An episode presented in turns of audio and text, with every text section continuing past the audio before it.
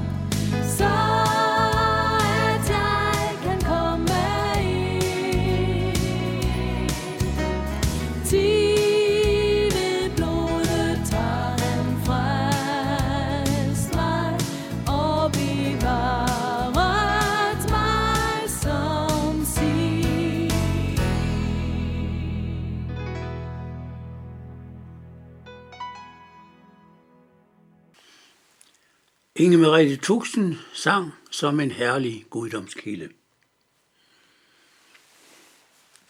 Den næste særlige prisning lyder, Særlig er de, som stifter fred, for de skal kaldes Guds børn.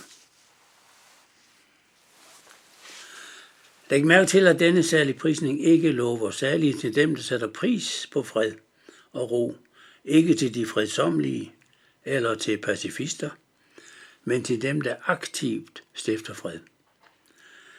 Og Jesus er vores største fredstifter, for han stifter fred mellem Gud og mennesker ved at fjerne synden, den egentlige årsag til manglende fred. Så evangeliet om Jesu frelsesværk er det egentlige fredsskabende budskab, og de kristne, som delagtiggør andre i deres tro, i deres lære og liv, er i virkeligheden mennesker, der stifter fred.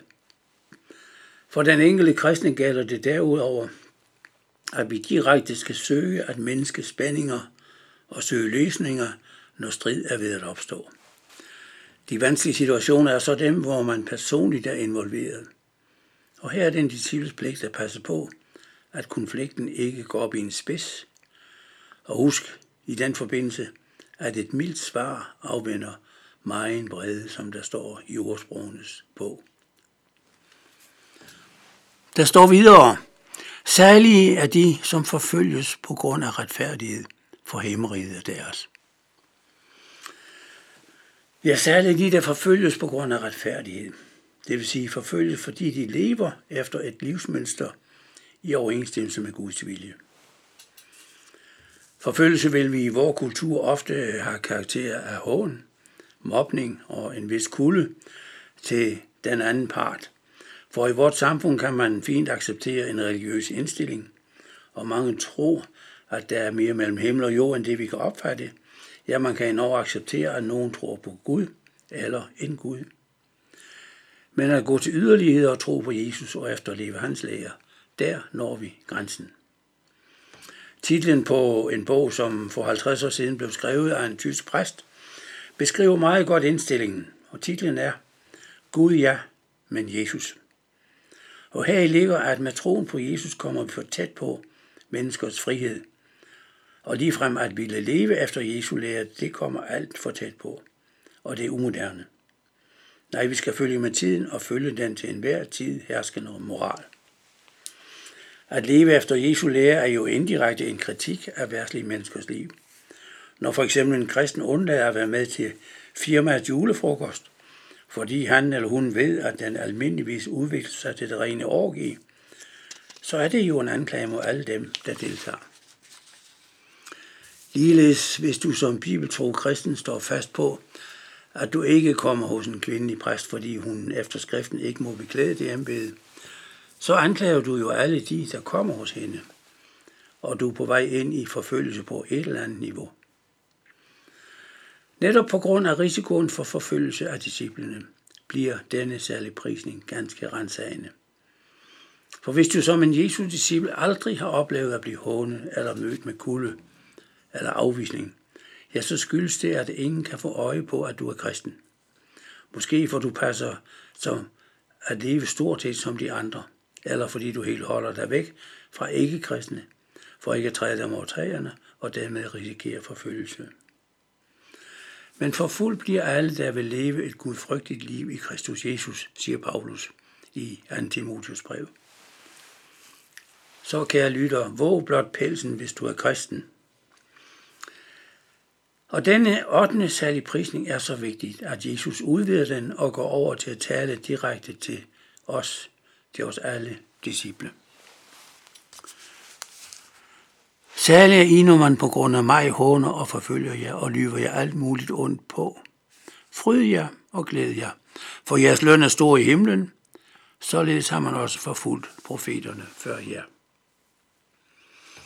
Så Jesus erstatter nu ordet retfærdighed med ham personligt.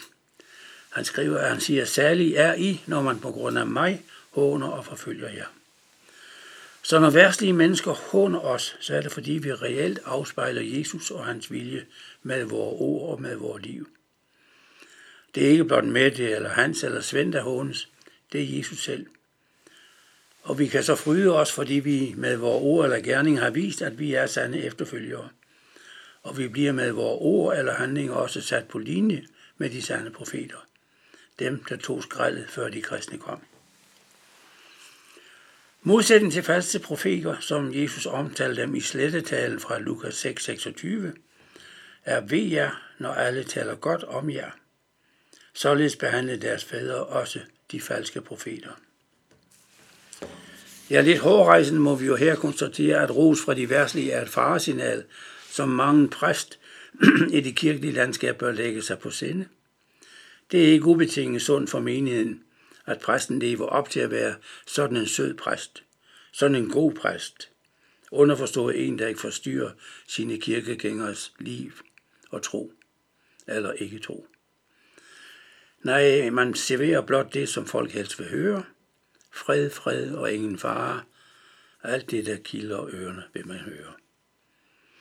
Men betænk, at forfølgelse på grund af Jesu lære er et tegn på, at hæmmeriget er vores. For vi hører som disciple, som Jesu efterfølgere, ikke til denne verden. Vi er i verden, men ikke af verden.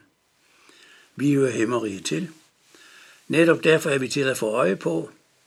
Vi skal være som lys, der skærer ind i mørke, ind i søndefalds mørke. Vi disciple skal mærkes som det salt, der kan bevare kødet fra at rådne.